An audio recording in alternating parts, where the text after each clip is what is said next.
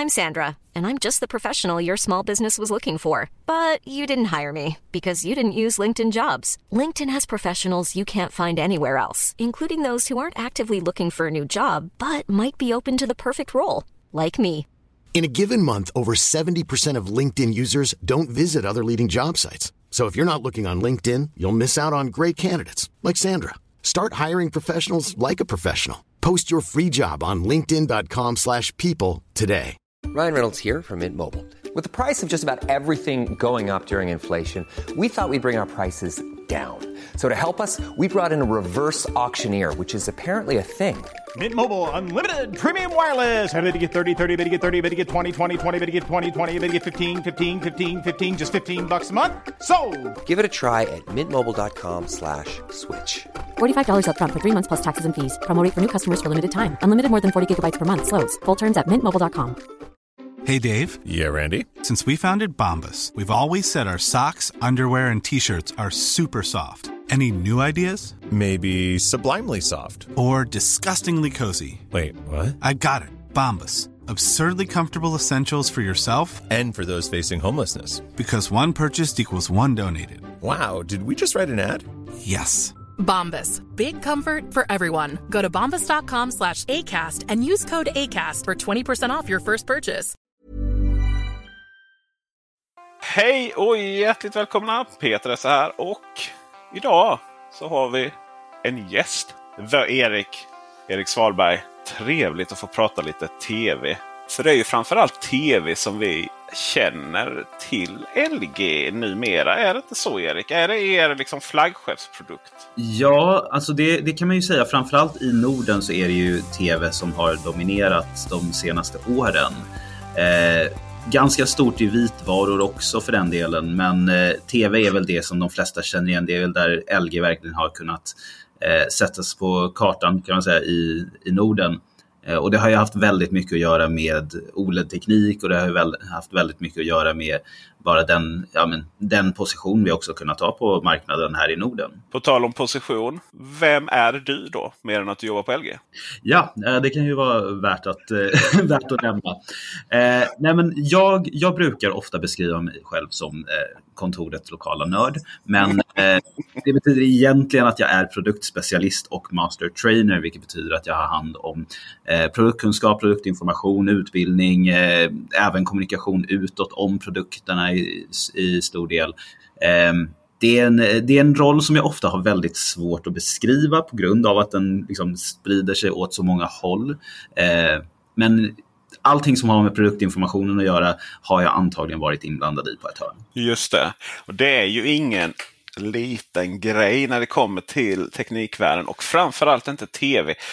Tv om något kan ju vara ett clusterfuck av definitioner. Och ja, men, du vet, vi har ju, jag har ju jobbat bara med en specifik sak här nu de senaste åren känns det som. Det är att berätta hur man får Dolby Atmos och inte på ljudlimpor. Liksom. Där är ju sig fördelen med LG då att ja, men, det, det kommer fungera med absolut största sannolikhet. Vi kommer ju komma lite till det sen då. Innan så måste vi bara reda ut det. Lucky Goldstar. Ja. Jo, men det där är ju ett namn som väldigt många känner till och kanske har hört. Och det är ju i sig egentligen eh, två olika företag från början. Det var ju Goldstar och eh, Lucky. Aha. Okay. Mm. Så det var delvis då ett elektronikföretag och å andra sidan ett eh, företag som hade framförallt med kemikalier att göra. Eh, framställning av olika kemikalier. Eh, och det blev ju då ja, efter en lång tid LG, men däremellan så var det ju Lucky Goldstar ett långt tag. Eh, och sen bytte det namn och moderniserade sin image lite grann till då bara LG. Eh, och sett till namnet idag så står ju LG för snarare ja, företagets slogan Life's Good. Det. Men det sträcker sig ju numera då både såklart till LG Chemical, LG, eh, LG Electronics såklart, som är kanske det folk är mest, kända, eh, mest bekanta med. Eh, men även LG Display som är en jättestor del av verksamheten. Eh, för att inte tala om massvis av mindre företag som tillverkar allting från eh, glödlampor till textiler. Eh, väldigt mycket av det ser man framförallt kanske i Korea. Eh, men det finns eh, väldigt, väldigt, det är ett väldigt stort företag vid det här laget med väldigt många delar. För det var ju någonting med varumärket Lucky Golds. Jag, jag är lite för ung för detta. Men det, det finns vissa saker som har följt med lite i generations. Det var ju att lite billigare saker där när det kom tror jag. Eh, från, från början. Liksom. Och, och medan nu så, så står ju LG. Och då är det ju inte LG där du jobbar på. Utan då är det ju LG Displays då. Eh, som står för all världens OLED-paneler. Tror väl många. Eller? Eller är det så det funkar? Det stämmer, det, det, är helt rätt. Och det du, det du säger också, det är ju en väldigt intressant del av LGs historia. För att eh, om man ser till hur LG kom in i Norden så var det mycket riktigt så, eller ja, då Lucky Goldstar, hur de kom in i Norden. Eh, att man klev ju in med fördelen då att kunna tillverka till förmånliga priser och så vidare. Eh, ta in, ta in liksom asiatisk teknik och eh, konkurrera prismässigt.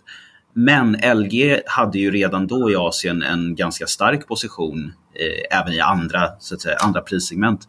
Eh, och det var någonting som man långsiktigt sen började ta in eh, och framförallt till exempel då med saker som OLED-tekniken och som eh, Signature-produkterna Eh, när man kände att man hade ändå vunnit lite, lite mark i Norden och vunnit folks tillit. Eh, ja, men då kunde man våga ta in de här lite mer, eh, ja, vad ska man säga, lite mer extravaganta produkterna. Vi pratar ju fortfarande en tid då det var, fanns en telefon att köpa eh, och den var från Televerket. Liksom. Uh, jag vet min morbror han, han smugglade in en, en bärbar telefon. Alltså hem, vad heter de? Däck, däcktelefon tror jag. Ja. Och det var ju liksom o, något oerhört. Uh, så. Um, nu saknar man ju Cobra-telefonerna. Um, vi har en uh, bekant som jag gjorde en video om en annan Erik faktiskt. Uh, om hans smarta hem. Och han har han har, eh, han har många omvandlare hemma för han jobbar bara med analoga telefoner. Han tycker det är jättecharmigt. I vilket fall som helst så eh, ska vi prata just om det här med är, är det så att LG står bakom all världens OLED-paneler? Eller är det liksom något form av... Det stämmer absolut. Eh, och LG Display har ju varit de som har kunnat utveckla en, framförallt eh, inte bara OLED-panel utan även en tillverkningsmetod som har kunnat ge goda resultat med stora OLED-paneler. Eh, och det är framförallt eh, ja, det är ju tv-marknaden där det har varit relevant. Det finns ju såklart andra tillverkare som gjort OLED för andra format, mobildisplayer och sånt. Eh, men just tv, där var det, jag menar, om man tittar på hur det var i början så var det ju flera aktörer som försökte tillverka OLED för tv då fick man slänga kanske 98 procent av det man producerade och det var ju inte hållbart på något sätt. Men varför är det så svårt? Liksom? Vad är OLED? Vi vet, vi vet ju att OLED är panelen för eh, svart är svart och det blir liksom allmänt som bra bild. Liksom. Men, men, men vad är liksom vad, vad, är det som ligger bakom som gör att det är svårt och dyrt och så? Liksom? Ja, alltså det, det som gör det svårt är helt enkelt att få en jämn kvalitet på panelen, att, få, att tillverka den utan, ja, utan döda pixlar och utan brister i panelen i sig så att man faktiskt kan ja, producera de här stora arken med paneler eh, som man lustigt nog tydligen skär ut själva skärmen ut. Eh, jättelustigt. Men så det var helt enkelt eh, när man kom fram till ja, rätt, tek rätt teknik, rätt metod, rätt komponenter i eh, fabrikerna för att kunna tillverka de här panelerna i större format. Och då, I början talar vi om 55, nu är vi uppe i liksom 83, 88 i OLED-paneler. Men bara att kunna komma upp till 55 tums, eh, det var någonting så unikt för LG Display att deras fabriker kunde göra det här. Ah, ja, just det. Men då är man lite sämre på att göra mindre paneler nu. Va? För, att, eh, för som jag förstod det, det kanske inte din division, men som jag förstod det så eh, man har ju börjat släppa nu och se på Eh, datorskärmar med OLED. Eh, men då är det ju inte, OLEDs, e- då är inte LGs egna där som. Jo, nej men absolut. Eh, vi har ju, vi har ju sett till exempel att även, att även OLED-tillverkningen från LG Display har ju gått ner i formaten en del. TV är vi ju nere i, i 48 tum nu och det har även pratats om en 42 tums display från LG Display. Även om det inte sitter i någon, i någon TV-modell eller skärm än. Men det som ja, det, det handlat om till stor del har ju också varit bara kostnader. Eh, det har inte varit intressant egentligen att tillverka tv-displayer i mindre format. För att en 32-tums TV, eller ja, ännu mindre för den delen, det associeras väldigt ofta med ja, billigare, kanske en köks-TV eller något liknande. Där är det ju ändå så. Eh, OLED är fortfarande eh, dyrare att tillverka än LCD. Eh, det finns ju väldigt många typer av LCD-paneler och man kan fortfarande göra dem mycket billigare än vad man kan göra en, en OLED-display. Och då är det någonting som man liksom har reserverat för kanske lite dyrare produkter. Eh, sen att OLED-tillverkningen då har gått framåt och blivit billigare. Det har vi ju märkt både på jag menar, snittpriset på en 55-tummare som när jag minns första, första OLED 55-tummaren jag såg kostade 135 000 kronor. Eh, och på den tiden så jobbade jag på kundservice och kunde inte drömma om OLED-TV. Eh, Ja, man kan göra sketch om det. Liksom. Sitta där på kundservice och drömma om sin... Jag gjorde, ju, jag gjorde ju ett fatalt misstag. Jag provade ju Alienware 55 tum datorskärmen. eh, OLED. Och det, den var ju fruktansvärd. Det gick ju inte att använda. Alltså, den går, det är ju det är ju ingen dataskärm alltså för att det blir ju nackspärr. Eh, det blir ju stort. Eh, det finns också en video på det. Jag kör Microsoft Flight Simulator på den. I vilket fall som helst. Det, men det är ju så vackert. Alltså det blir ju så bara... Åh, så att jag har ju sagt det blir ju inga... Jag var lite sugen på Apples XDR-skärm ett tag. Men du vet, för 70 000 så kan man få en rätt fin OLED-skärm ganska, ganska snart. Sitta framför dem, en OLED-skärm, det, det, är en ännu större förändring än att gå från, en, eh, från i alla fall en hyfsat bra LCD-TV till en... Eh, jag springer faktiskt just nu mellan en, en LCD-TV eh, och en eh, LG OLED. Och, och det, man märker skillnad, men det är ingenting jämfört med just liksom att sitta framför skärmen och gå från en helt vanlig LCD-skärm. Så det, det, det, är en vacker framtid. Men, men var, eh, var liksom ur från ert perspektiv, om du fick beskriva, och då kan ni utgå från egentligen dina egna, egna TV. För ni kallar väl era LCD-TV Nano Cell va? Ja, eh, vi har ju faktiskt eh, tre kategorier av LCD, eh, av LCD-displayer eh, i, våra, ja, i, i vårt TV-lineup.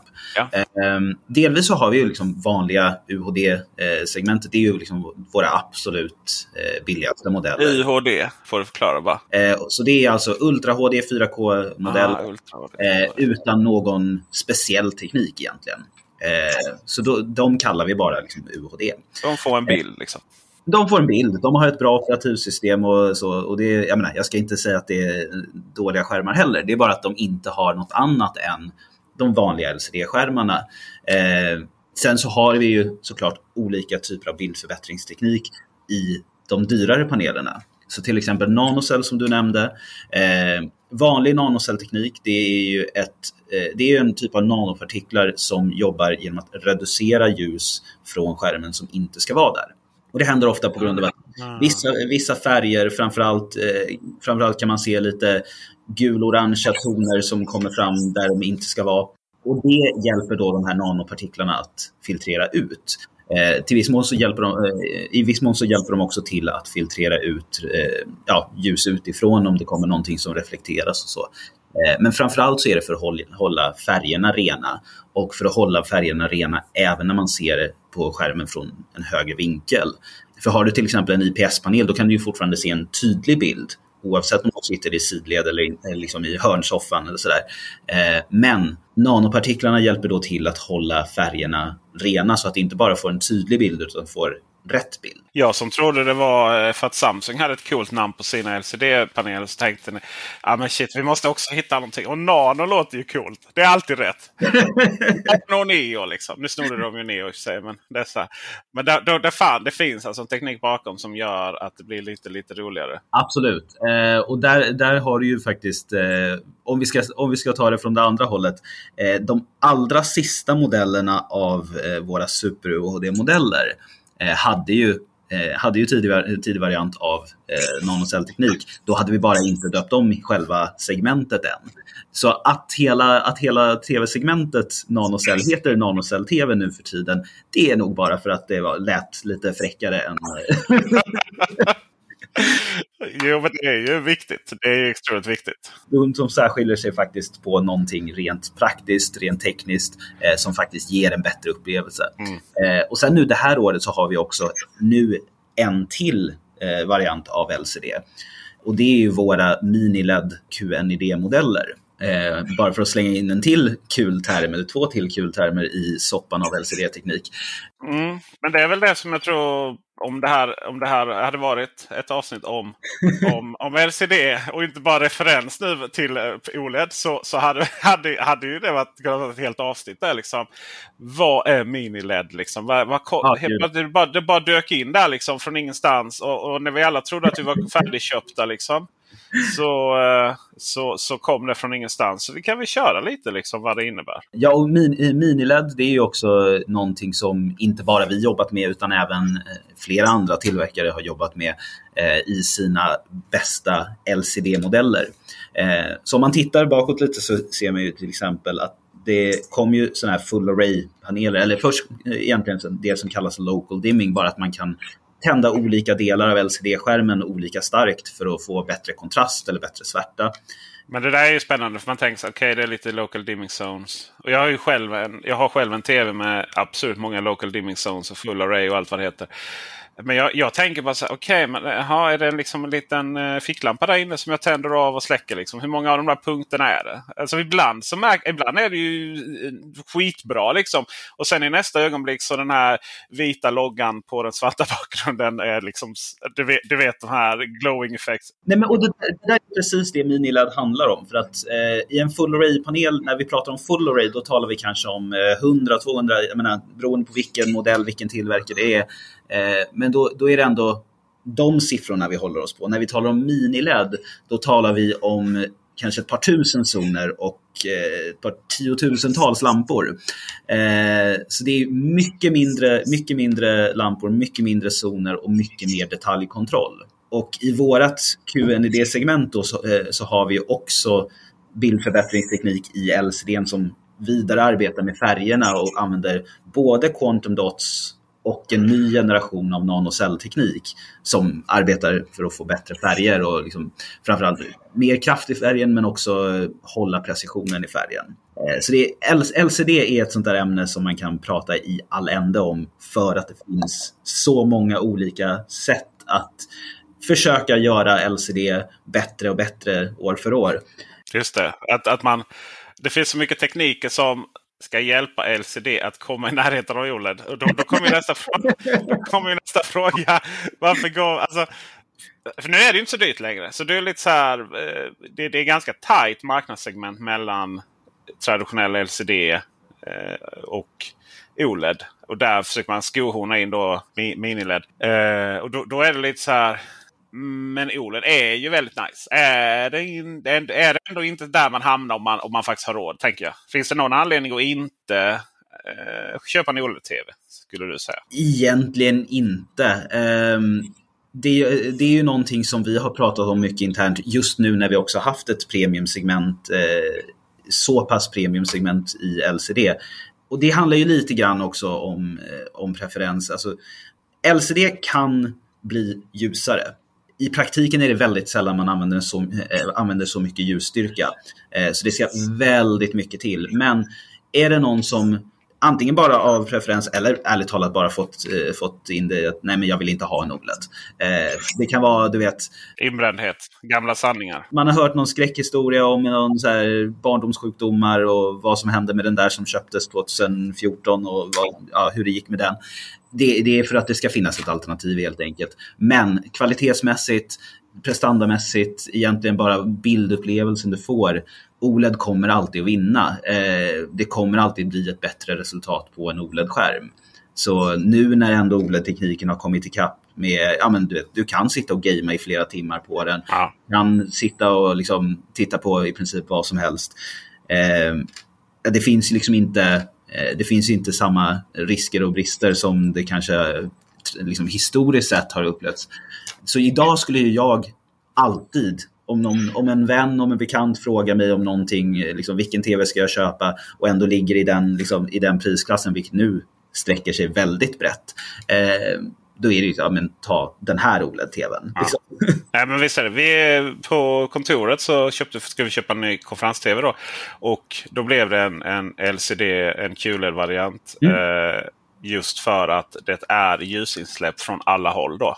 Men Då är ju nästa grej. Om det är nu ljusinsläpp från alla håll och det är någonstans en glaspanel framför en TV.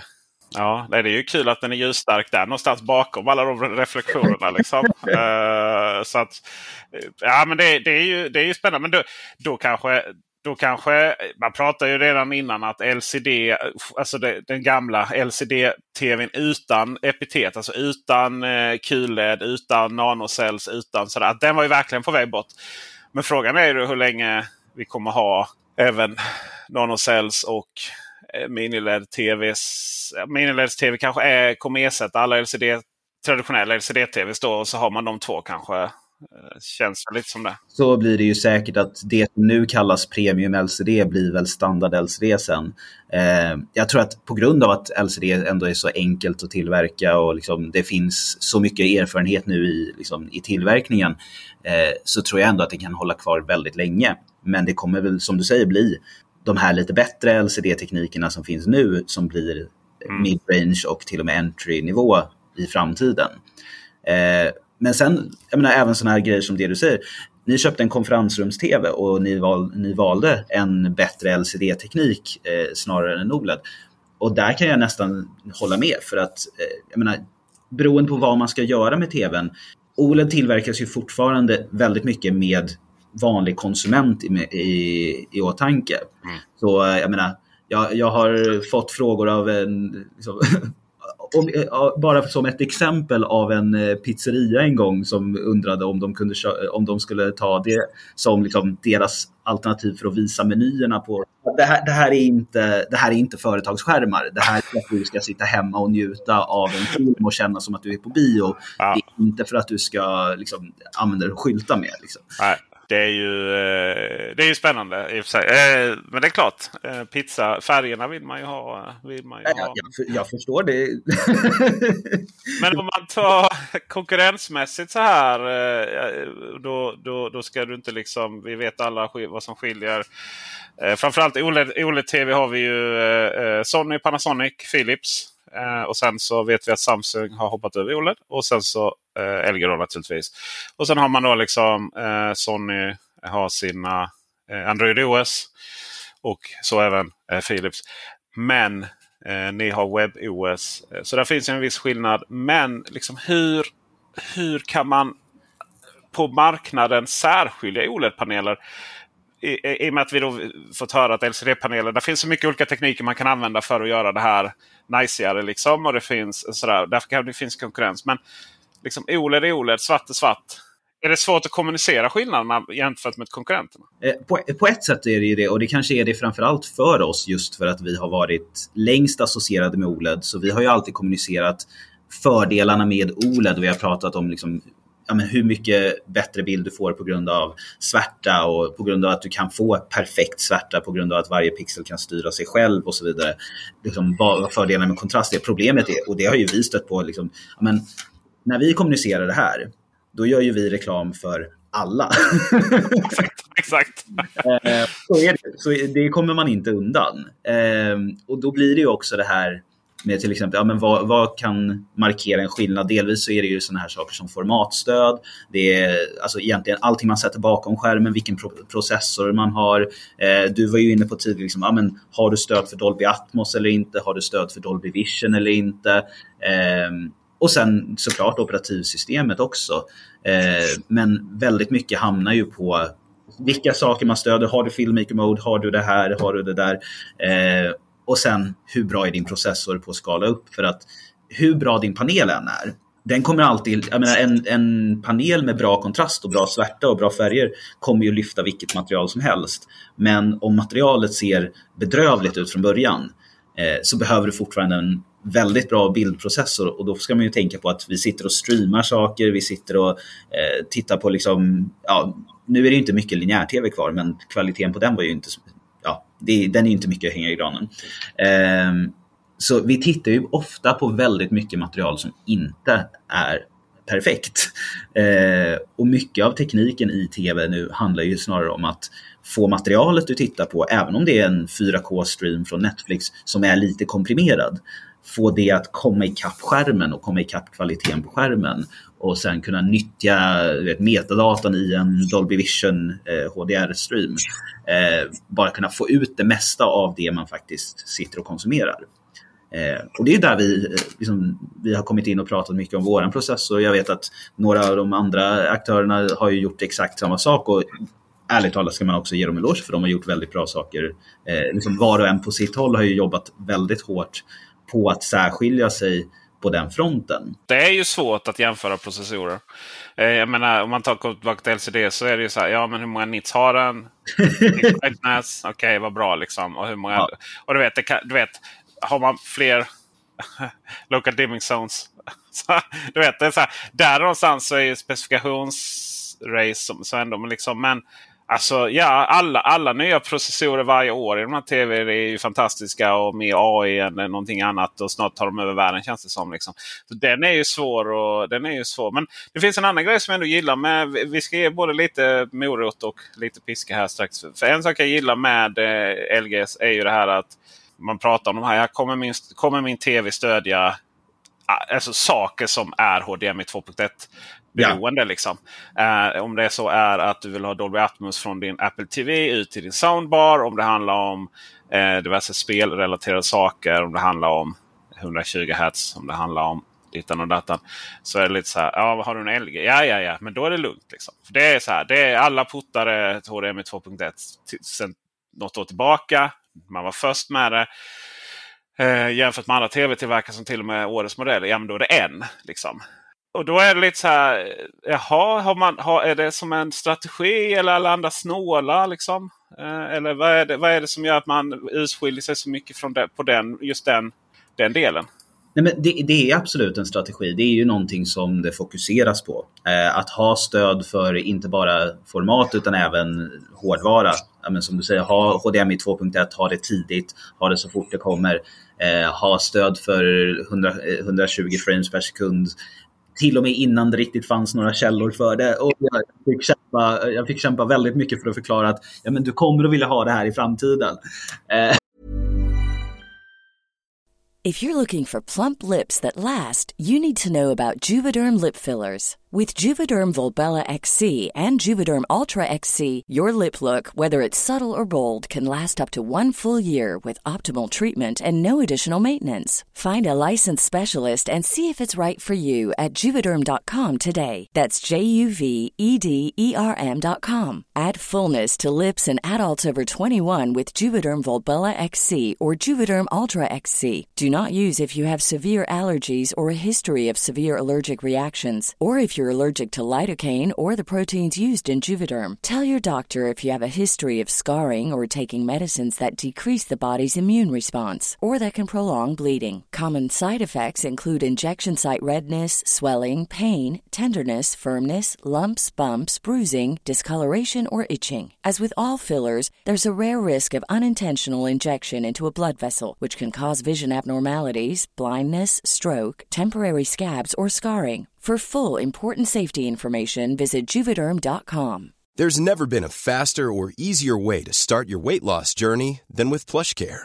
PlushCare accepts most insurance plans and gives you online access to board-certified physicians who can prescribe FDA-approved weight loss medications like Wigovi and Zepbound for those who qualify. Take charge of your health and speak with a board-certified physician about a weight loss plan that's right for you. Get started today at plushcare.com slash weight loss. That's plushcare.com slash weight loss. Plushcare.com slash weight loss. I'm Sandra, and I'm just the professional your small business was looking for. But you didn't hire me because you didn't use LinkedIn jobs. LinkedIn has professionals you can't find anywhere else, including those who aren't actively looking for a new job, but might be open to the perfect role, like me. In a given month, over 70% of LinkedIn users don't visit other leading job sites. So if you're not looking on LinkedIn, you'll miss out on great candidates like Sandra. Start hiring professionals like a professional. Post your free job on linkedin.com/people today. Burrow is a furniture company known for timeless design and thoughtful construction and free shipping, and that extends to their outdoor collection. Their outdoor furniture is built to withstand the elements, featuring rust-proof stainless steel hardware, weather-ready teak, and quick-dry foam cushions. For Memorial Day, get 15% off your Burrow purchase at burrow.com slash ACAST and up to 25% off outdoor. That's up to 25% off outdoor furniture at burrow.com slash ACAST. Hey, Dave. Yeah, Randy. Since we founded Bombus, we've always said our socks, underwear, and t shirts are super soft. Any new ideas? Maybe sublimely soft. Or disgustingly cozy? Wait, what? I got it. Bombus. Absurdly comfortable essentials for yourself and for those facing homelessness. Because one purchased equals one donated. Wow, did we just write an ad? Yes. Bombas. Big comfort for everyone. Go to bombas.com slash ACAST and use code ACAST for 20% off your first purchase. det var ju så kul också för det fanns ju en... eh, Det var, ja, men vi, kan ju, vi kan ju peka finger. Det var ju Samsung som släppte en 8K-TV utan att det fanns någon som helst möjlighet att få tag på 8K-material Ja. in i TV. Liksom. Eh, det är ju också typiskt det bolaget. Men eh, det är ju, det, det, ja, men det är ju, det är ju en sund strategi må jag ju säga. Nej, men och, och grejen är, ser man på tv-marknaden idag så är, jag tror fortfarande snittet är att man byter huvud-tv och relegerar den gamla vardagsrums-tvn in till ett sovrum eh, någon gång vart femte år ungefär. Eh, så då måste man ju också tänka på att liksom, tvn vi säljer idag, den ska åtminstone hålla de fem åren och vara bra fem åren. För annars kommer du spendera det sista av de fem åren väldigt missnöjd med din tv och det är ju inte en chans att du går och tittar på LG igen då. Nej. Så, eh, åtminstone den perioden ut som man tänker att det här är din primära tv. Då vill vi liksom att den ska ha stött allt du, liksom allt du har försökt koppla upp, allting du har försökt spela, allting du har försökt eh, ansluta, det ska bara gå. Eh, och gärna så smärtfritt som möjligt och gärna utan att du behöver gå och tänka på det. Eh, för det är också en sån där grej med jag menar, olika formatstöd. Man ska inte behöva gå och titta på baksidan av eh, kartongen och tänka, ah, vänta, är det, är det den här versionen eller den där versionen eller är det det formatet eller det andra? Jag menar, det, det är enklare att bara kunna säga, vet du vad, du kommer kunna, det kommer att gå. Just det, just det. Men då kommer vi till nästa eh, stötesten här. Får vi se om, om våra upplevelser är, är gemensamma. Då. Eh, nej, men eh, om man, jag, har skrivit, jag har skrivit eh, i frågeställningen här. Liksom, vad gör WebOS så nice? Och då menar jag lite så här. För där går man ju verkligen ut från mängden. Det är ju det egna systemet. Som man köpte från... Oh, vad var historien där nu? Man köpte upp det från någon ju. Ja, eh, gud det stämmer ju och nu har jag inte företaget på eh, tungan. Ehm, jag får nog återkomma till det, men eh, ja, precis. Man köpte ju upp en väldigt tidig version av det, av det operativsystemet. Eh, och sen gjorde man det var Palm OS! Eh, WebOS, yes, just det. Och sen gick det till HP och sen... Eh, sen HP var det jag tänkte. eh, Just det. Och sen så tog man upp det som 2013. Eh, LG där. Nej, det är ju det är, ju, det är ju bara sånt man har koll på man är lite intresserad. Men det, det, är ju, eh, det, är ju, det är ju modigt att köra ett helt eget system. Absolut, och det har ju haft, eh, det har ju haft fördelar och nackdelar. Ehm, nackdelen såklart är ju att menar, när folk hör ett namn som till exempel Android eh, så känns det omedelbart bekant, det känns omedelbart liksom, hemma. Eh, medan WebOS, om man inte har en tidigare LG-TV, är någonting nytt och kanske lite läskigt. Eh, Men det har också gett oss fördelen att kunna skräddarsy systemet efter hårdvaran i varje produkt. Så till exempel, ja, delvis har man ju kunnat utforma det efter, liksom, efter tanken att man ska ha en Magic Remote. Eh, och det är ju för de som inte känner till det, den här fjärrkontrollen som har i princip som en, eh, ja, vad ska man säga, det, det är som en liten Wii-pekare kan man säga. Ja, just det. Eh, du har en mus, eh, du har en Får mus man säga det utan att betala? Nintendo? Nej, eller var det, det var, nej, det var Philips som åkte på den tror jag. Just det, just det. det var de som... ja, det sket sig. Uh, nej, men det är ju, man har ju flera olika kontrollsätt på den där fjärrkontrollen upptäckte jag. Man upptäcker ju nya saker med den fjärrkontrollen varje dag. Du kan ju köra den som traditionell kontroll, bara använda knapparna. Du kan använda muspekaren och klicka dig omkring och bara peka rakt på skärmen och göra olika saker. Eh, du kan prata med den. Eh, och där, där ska jag ju erkänna att eh, det är ju inte lika den är, den är inte lika smidig på de nordiska språken som den är på engelska. Eh, och det, kan jag, det kan jag ändå erkänna helt öppet. Att, Det, gäll, det, gäller ju, det gäller ju egentligen Android TV också. Alltså så så Ja. fantastisk eh, röst eh, på dem. De är ju så nerdummade så det finns inte. Men, men enklare grejer som liksom byta kanal eller hoppa in i inställningsmenyer och jag tror framförallt sådana grejer kan vara väldigt bekväma. Att man kommer inte ihåg vilken undermeny som hade just den där inställningen. Nej. Man bara trycker på mick-knappen och säger att jag vill gå dit. Liksom, nätverksinställningar. Eh, Sådana saker underlättar ju såklart. Och även bara sånt där som ja, men, en enklare växla till kanal 3. Men däremot, eh, ja, de här lite mer avancerade funktionerna, där, där, tror jag att vi i Norden ändå har lite överseende med att ja. det, är aldrig, det är aldrig lika smidigt på våra egna språk. Nej, nej, nej. Det finns ju en anledning för att vi pratar engelska här. Liksom. Uh, ofta ändå. Du har ju, du har ju din assistent på telefonen inställd på uh, engelska fortfarande. Så. ja, gud, ja. Men uh, för det var, det var ju ett tag som någonstans där här så var det ju när det var massa smart-tv. WebOS var ju om möjligt ett svar på smart-tv-grejen. Det här alltså att, att, att det fanns massor med egna långsamma system och det fanns liksom ja. inga App Store. Eller fanns det det så var det liksom bara några konstiga appar som man kunde ladda hem. Av någon anledning så var alltid typ eh, SF Anytime med i alla varianter. Och, det, och, du vet, köpt, och de uppdateras inte. Utan köper man ny tv så var det en ny smart-tv-variant. Och, eh, och, och länge så bataljade väl WebOS och Android TV som det, det, andra, om man får säga det, jämfört med eh, Apple TV då, som ändå hade apparna. Men är det, är det svårt att få innehålls... Är det, är det svårt? För jag tänker alltid så här, det finns alltid, tre, det, det, finns alltid två. Det är så här, det finns alltid två system. Liksom ett ja, nu, nu inom tv-spel så finns det tre nu bara, så då, Nintendo sket på min metafor här tyvärr. uh, men uh, men det, du vet, det är så här, Mac, Windows. Um, Eh, Xbox, Playstation hade jag på att säga, så kom Nintendo och, och så. McDonalds, Burger King, alltså kom Max också. Shit alltså, jag, jag ser själv att den här tesen bara går åt skogen. Men är man rädd? Kan man vara lite rädd ifrån ert håll att innehåll, apparna inte är där? Liksom? Om vi säger så här, det, vi har ju varit med om fall där det absolut har hänt. Där det har, varit liksom, det har tagit mycket längre tid för oss att få en app än vad det har tagit Android eller Apple till exempel.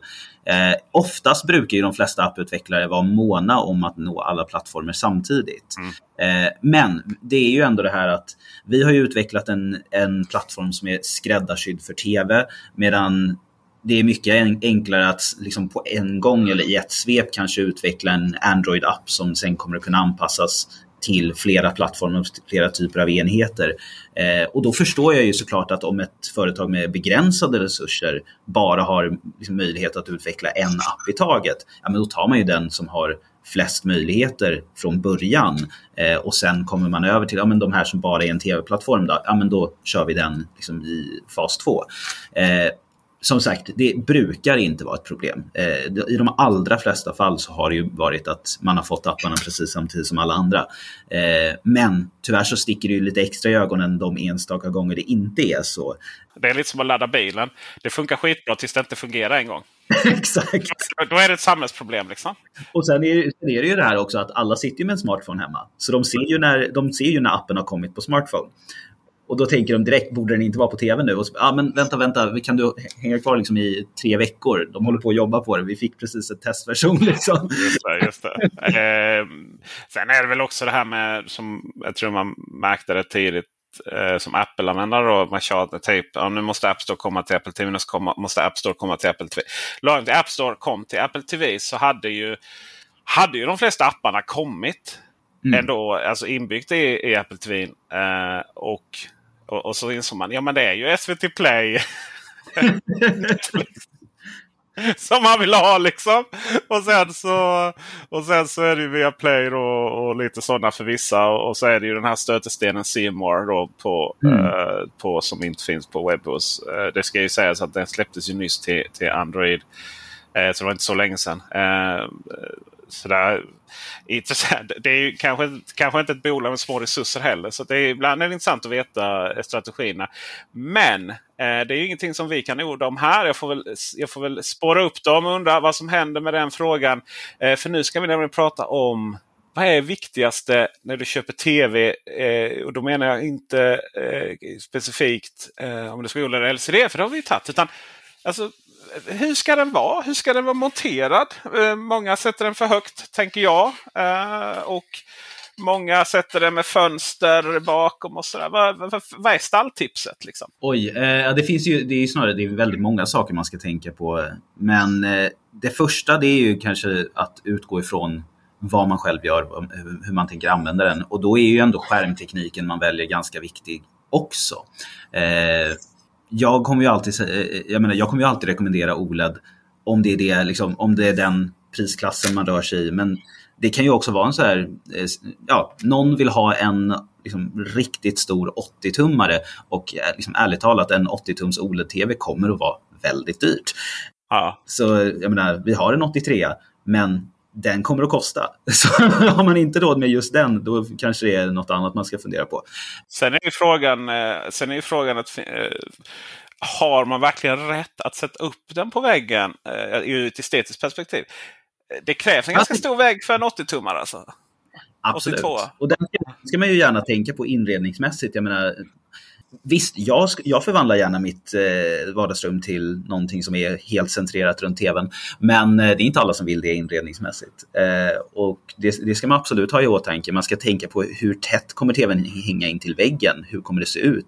Eller om man ska ha den på bänk för den delen. Hur platt är själva tvn? När man ser den i profil, hur kommer den se ut? Kommer det se klumpigt ut? Liksom? Eh, så alla sådana saker får man ju såklart fundera över. Och det är väldigt bra att kunna se ett foto eller något av, ja, men hur ser den här ut upphängd?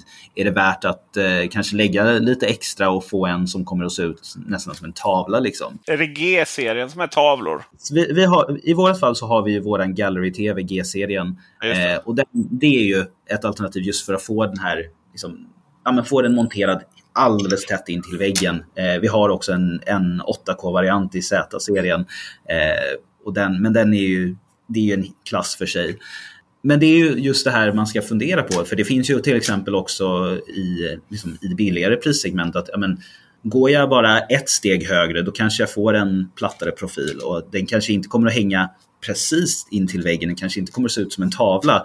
Men eh, det kommer att se mycket snyggare ut. Den kommer att komma närmare väggen. Eh, den kommer liksom man kommer kunna använda ett plattare väggfäste för att det är inga kablar som sticker ut. Eh, så sånt ska man absolut fundera över. Sen var ju du inne på någonting också, vilket är liksom vart man monterar och hur högt man monterar. Eh, och där finns det ju väldigt ofta liksom rekommendationer på höjd och liksom, ja, men, mellan si och så högt. Jag föredrar att inte utgå ifrån mått utan snarare utifrån sittplats. För oddsen är att du inte byter soffa samtidigt. Ah. Så sätt dig i soffan, sitt så bekvämt du bara kan. Och sen tittar du bara rakt mot väggen. Och där dina ögon faller, där ska du, plats, eh, där ska du liksom tänka att det, lägsta, eh, liksom det lägsta någonting får hänga, det ska vara att centrum, eh, liksom mittlinjen på tvn ska hamna där. Eller ja, om man, om man delar upp tvn i liksom som en luffarschacksruta, då ska du ha liksom att den där mitt, mellersta rutan, den ska hamna där dina ögon faller. Så antingen liksom att du tittar i nederkant på den rutan eller i överkant på den rutan. Men när du sitter skönt, när din nacke känns bekväm, liksom, eh, då ska du vara innanför den där mittrutan på tvn. Det är ju spännande för att jag inser ju att om jag ska sätta upp en tv då skulle jag göra precis så som du sa. Men sen så när jag väl tittar på tv då skulle jag lägga mig ner i ena hörnet i soffan istället. det, där är ju, alltså, ska, man, ska, man, ska man göra det här är ju lite skillnad. Vardagsrum blir verkligen så. Eh, så som du säger. Liksom. Men när det kommer till tv-rummet och källaren som jag har. Eh, där, ska man nog, där ska man nog vara realistisk och säga hur ofta sitter man och kollar på tv där nere. Det är nästan alltid ligga i soffan. Liksom. Om man sitter och gamer mycket då kanske man byter position och sitter mer framåtlutad. Eh, sitter man hela familjen och tittar då är det någon som sitter och tittar i sidled. Så man får ju hitta kanske en kompromiss där ändå. Sen så är det ju också en, en till sak du nämner, liksom, ligga i soffan. Då kanske man hamnar med huvudet väldigt långt utåt ena hörnet. Ja, ja, visst. Då är man ju inne på sånt här som bara hur, hur ser den här tvn ut i höga vinklar? Vi vet ju till exempel att OLED-teknik, IPS-paneler, även om man tittar på LCD. Eh, IPS-paneler behåller ju en tydlig bild och eh, har man rätt, jag menar, vi pratade tidigare om nanocellalternativet då för att behålla även korrekta färger i höga vinklar.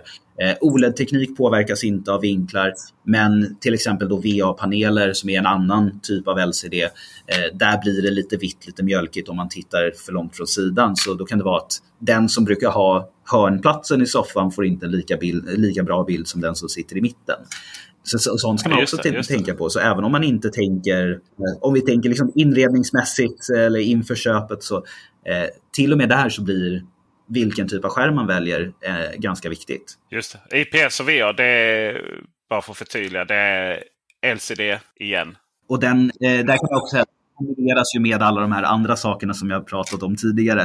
Eh, så det kan vara, det är som sagt, eh, Eh, det är en IPS-panel med till exempel då miniled eller med full array eller med nanocell eller inte. Så det ena utesluter inte det andra. Det finns så mycket i det här ämnet.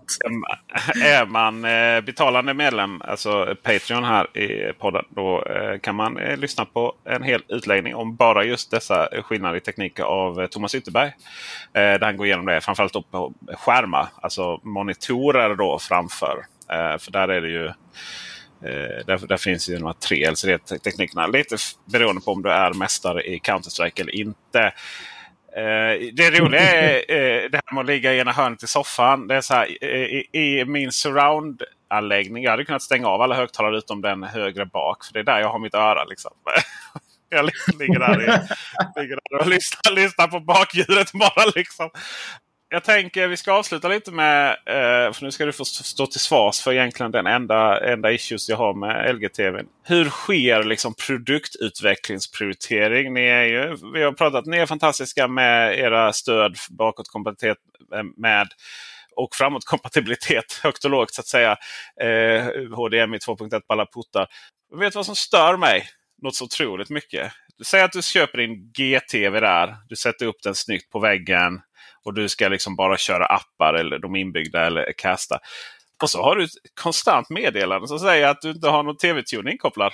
Det är tokigt. Ja. Och då funderar jag lite så, så här. Det här, måste ju, det här måste man ju veta om. Liksom. Uh, det är ju en liten sak i en... I, i, liksom, om det är det här som är problemet får man ändå säga att det, det är ett litet problem. Men jag tänker så här, det här måste man ju, det här måste man ju fått feedback på genom åren. Liksom. Och då tänker jag så här, när, på vilket möte tar man upp? Ja, men vi, vi skrotar den rutan nu. Liksom. Det, får, det, det får bli liksom 20... Det får liksom bli 20 25 så stora produktuppdateringsnyhet. Liksom. Vi skrotar den rutan. För jag menar, det är nog många som, det måste finnas undersökningar som visar att det är nog rätt många som inte har en TV-tune inkopplad. Liksom. Nej, men det, det stämmer och eh, jag, jag, kan ju säga att det lustigaste är ju också att nu, numera när du gör liksom första setupen på din TV, då, då blir du tillfrågad, ska du ha eh, TV-tuner eller ska du bara köra en digital box? Eh, ställer man in den på bara digitalbox, ja, men då, då kommer den ju såklart inte tuna in, inte ens försöka tuna in någonting. Eh, och då kan man ju ha det såklart så att den, man kan ju ha den så att den startar upp på en HDMI-port istället om det, är, eh, om det är box man kör. Men kör man ingetdera, utan som eh, väldigt många av oss numera gör och bara streamar, eh, då är det ju antingen sådär, inga, inga kanaler inställda eller att man inte har någon ansluten enhet på HDMI-porten, vilken källa man än står på. Eh, tyvärr har jag inget svar på den. Jag önskar att jag hade det. Eh, jag vet att du är inte den första som nämner det. Eh, men där är det ju helt enkelt Resonemanget har bara varit, står du på TV-tuner och inte har kanaler, då får du ett meddelande om att du inte har kanaler. Står du på HDMI och inte har en enhet, ja, då säger den ingen enhet. Tyvärr har jag inget bättre svar på det. Jag önskar att jag hade det. Nej, det är ju naturligtvis inte möjligt att svara på eh, just den sakfrågan. Men det, det, det, får ju ändå upp liksom den här hur processen, eh, hur mycket kan ni påverka eh, liksom lokala förhållanden och sådana saker? Eh, hur ser liksom processen ut under produktutveckling och prioritering och sånt där? lite. Lyssnar man på... För, för, för det, det, ibland så här, jag tror att, jag tror att ofta man liksom som kund kan man ibland känna att det är lite svårt att nå fram. Och sen helt plötsligt så kommer företaget. Ja, nu ska vi lyssna på kunden. Vi lyssnar alltid på kunderna. Liksom. Eh, hur, hur, liksom, hur ser man på den processen? Kundprocessen? Jo, men det tas ju på alltså, väldigt stort allvar. Men problemet är, och du, jag tror du rörde lite grann vid det, att Eh, det utvecklas ju produkter och system då för en global marknad, för en global publik. Och ibland så är det ju våra lokala förhållanden som kanske skiljer sig lite från den stora massan så att säga. Så till exempel det här att den alltid ska flagga för att man inte har en signal in. Globalt sett kanske, ja, där är väl standard fortfarande att man antingen har kanaler eller en box. Men eh, vi i Norden ligger kanske, vi är kanske lite mer digitala, kanske lite mer online än vad snittet i världen är. Eh, och då blir det ju tyvärr att vi får dras med ett system som ska, ska göra alla nöjda så att säga. Eh, och det, så är det ju tyvärr. Att, jag menar, de här produkterna, delvis har vi ju sådana grejer bara som att ja, men den tv som säljs här ska vara precis lika kapabel och ha exakt samma förhållanden som en tv som säljs i en annan del av EU eller en annan del av världen för den delen. Då blir det väldigt svårt att göra liksom, lokala ändringar, lokala anpassningar i grundfunktionerna framför allt. Sen såklart lokalt appstöd eller lokala, liksom, vissa lokala funktioner finns ju. Eh, men just de här som är lite mer liksom, ja, delar av grundsystemet, där blir man ju offer för så att säga, offer för allas bästa. just det, just det. Men något som är riktigt kundfientligt när, när jag kommer på nu, det är ju det här med triljoner olika artikelnummer och sånt. Ja, ja det, det är det. Och det kan jag nästan ha jag, kan, jag har ganska mycket sympati för det där. Det blir väldigt knepigt. Eh, och det finns ju faktiskt en, eh, en logik bakom det. Eh, problemet är att om man inte jobbar i, i det här företaget så lär man sig aldrig logiken bakom det. Eh, de här bokstäverna betyder saker, siffrorna betyder saker. Eh, och till exempel, det kan ju finnas fem, sex varianter av samma modell som har liksom någon bokstav på slutet, någon siffra på slutet som ändras. Eh, ofta är Alltså det, det, jag kan säga om modellnamn från LG i alla fall, det är att ju längre bak ändringen sker, desto mindre relevant är den. Eh, alltså, så ju, de sista siffrorna du? Eller, ja. ja, precis. Eh, och det kan vara så här enkla grejer att vid något tillfälle så har man bytt leverantör av en liten komponent och den gör exakt samma sak, den presterar exakt likadant så man ändrar inte modellnamnet men man byter någon bokstav allra längst ut i slutet för att vi har också en regel där du får inte kalla två olika modeller samma sak även om de på papper är identiska. Är det minsta lilla skillnad till exempel, är den ena vit och den andra svart? Är den ena, har den ena en lite ljusare silverton på foten och den andra har en lite mer mörk titan? Alltså, får vi inte kalla dem samma sak, för då skulle vi eh, hamna i massa andra problem istället. Eh, och jag förstår att det här kan vara, det här kan vara jätteirriterande för någon som sitter på prisjakt till exempel och försöker, ja men, är det den här eller den här? Är det här samma tv? Vad är skillnaden? Och så går man ner, liksom, kommer igenom hela speslistan och hittar till slut och säger, aha, den här var vit. Liksom, eller foten var lite annorlunda. Eh, men ofta är det ju, ett, som sagt, ju längre bak i modellnamnet man kommer, ju mer är det liksom, kanske små estetiska grejer eller saker som inte ens påverkar tvn. Vill man kunna jämföra priser till exempel, då kan, man, eh, då kan man ofta stanna av innan de allra sista eh, bokstäverna eller siffrorna. Eh, men man får ändå vara försiktig.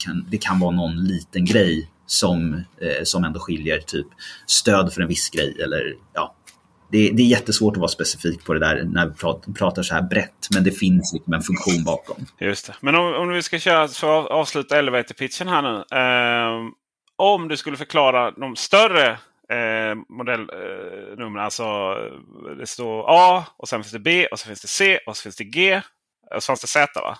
Och, så, och så, därefter sen fanns det lite olika. Eh, så om, om man idag ska är intresserad av en, eh, och vi, vi kör OLED här då. Eh, om man idag är intresserad av en LG OLED-TV av modell Nådens år 2021. Vad finns det för modeller och vad Vi kan ju, vi kan ju börja nerifrån så drar jag den så kortfattat som möjligt.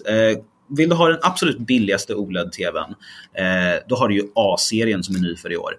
Fördelen där är att det är en väldigt, väldigt eh, överkomlig prislapp och det gör ju såklart att du kan få bildkvaliteten i OLED. Eh, men tyvärr så är det en 60 Hz-panel så den är inte lika bra på eh, liksom, ja, rörelseorientering och action som kanske B-modellen över. Eh, den har dessutom inte HDMI 2.1-stöd. Så det är en eh, instegs-OLED om man bara ska till exempel streama, kolla på film, eh, kolla på serier, sådana saker kommer fortfarande göra sig bra. Men snabba rörelser, kanske sportgaming, inte lika bra. Eh, då kan man ta klivet upp till BB, 100, 120 Hz, eh, har HDMI 2.1-stöd. Eh, där får du såklart liksom, i princip hela paketet. Det den saknar gentemot C-modellen som är steget över, det är den här lite kraftigare processorn. Eh, A och B har en Alpha 7-processor, C har en Alpha 9-processor, vilket betyder att allting som inte ser perfekt ut, det vill säga om det är streamat, komprimerat, vad, vad det kan vara, eh, B och A kommer såklart att skala upp och förbättra bilden, C kommer att göra det bättre. Eh, så där kommer du liksom alltid få prestanda på topp. Eh, i allt. Eh, B och C har ju såklart jättebra performance för gaming. Eh, du har stöd för FreeSync, G-Sync, eh, du har auto low latency mode. Ja, det är fantastiska spel, äh, spelmaskiner helt enkelt. Eh, och vill du fortfarande ha någonting ännu bättre, då kommer du upp till det som är liksom flaggskeppsmodellen, G1. Eh, där har du också en ny typ av panel som, heter, eh, som är eh, kombinerad med viss teknik, viss elektronik. Eh, och det är det vi kallar OLED Evo. Det gör att den kan prestera ja, lite bättre helt enkelt. Den kan bli lite ljusare men den håller samtidigt skärpa, färgstyrka, eh, väldigt, väldigt mycket fokus på att den, ska vara, att den ska återge en korrekt bild även om den sträcker sig över en lite större bredd, färger och ljus. Och den har den här galleridesignen som vi pratar om, så det kommer dessutom vara en väldigt elegant tv att ha på väggen. Eh, den hänger platt mot väggen, alla sladdar hålls liksom, ja, inom ramarna på tvn så det är ingenting som sticker ut eller så. Du kan få den monterad jättesnyggt. Och om du fortfarande inte är nöjd med det eller bara känner för att lägga enorma summor pengar på en TV så kan du komma upp till en 8K OLED och då är vi uppe i Z-serien som du nämnde. Z är våra 8K-modeller. Det finns två utföranden, 77 och 88 tum. Eh, och jag kan säga... Bara för att. det är väldigt, väldigt exklusiva produkter. Eh, jag tror väldigt många av våra lyssnare har nog inte betalt lika mycket för sin bil som de har betalt för, som Nej. de skulle betala 88-tummare eh, i 8K. Men det är, det är absolut eh, det är absolut lyxprodukter, men det kommer också ge dig liksom, den sjukaste bilden du någonsin har sett. Så det har, det, har ju, det har sitt pris, men det har sitt värde också.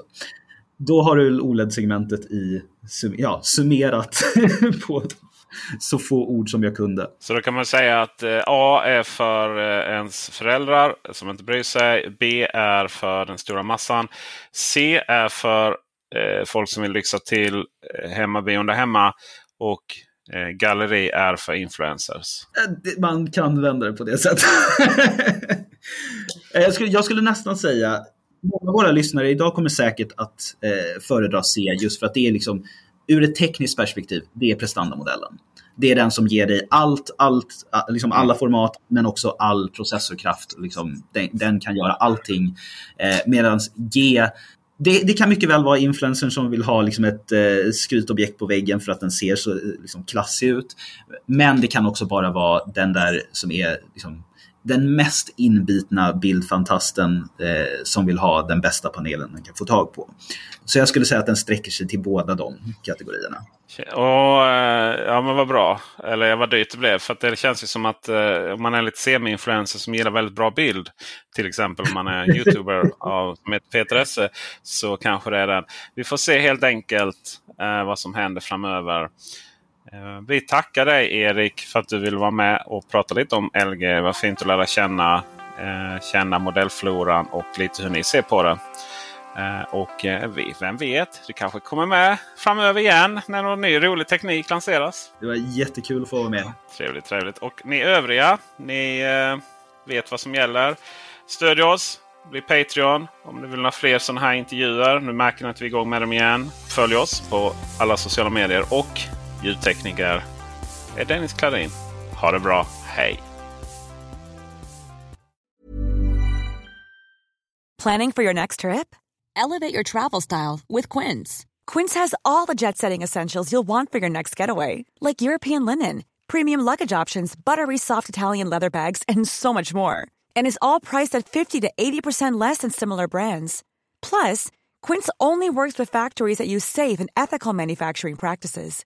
Pack your bags with high-quality essentials you'll be wearing for vacations to come with Quince. Go to quince.com slash pack for free shipping and 365-day returns.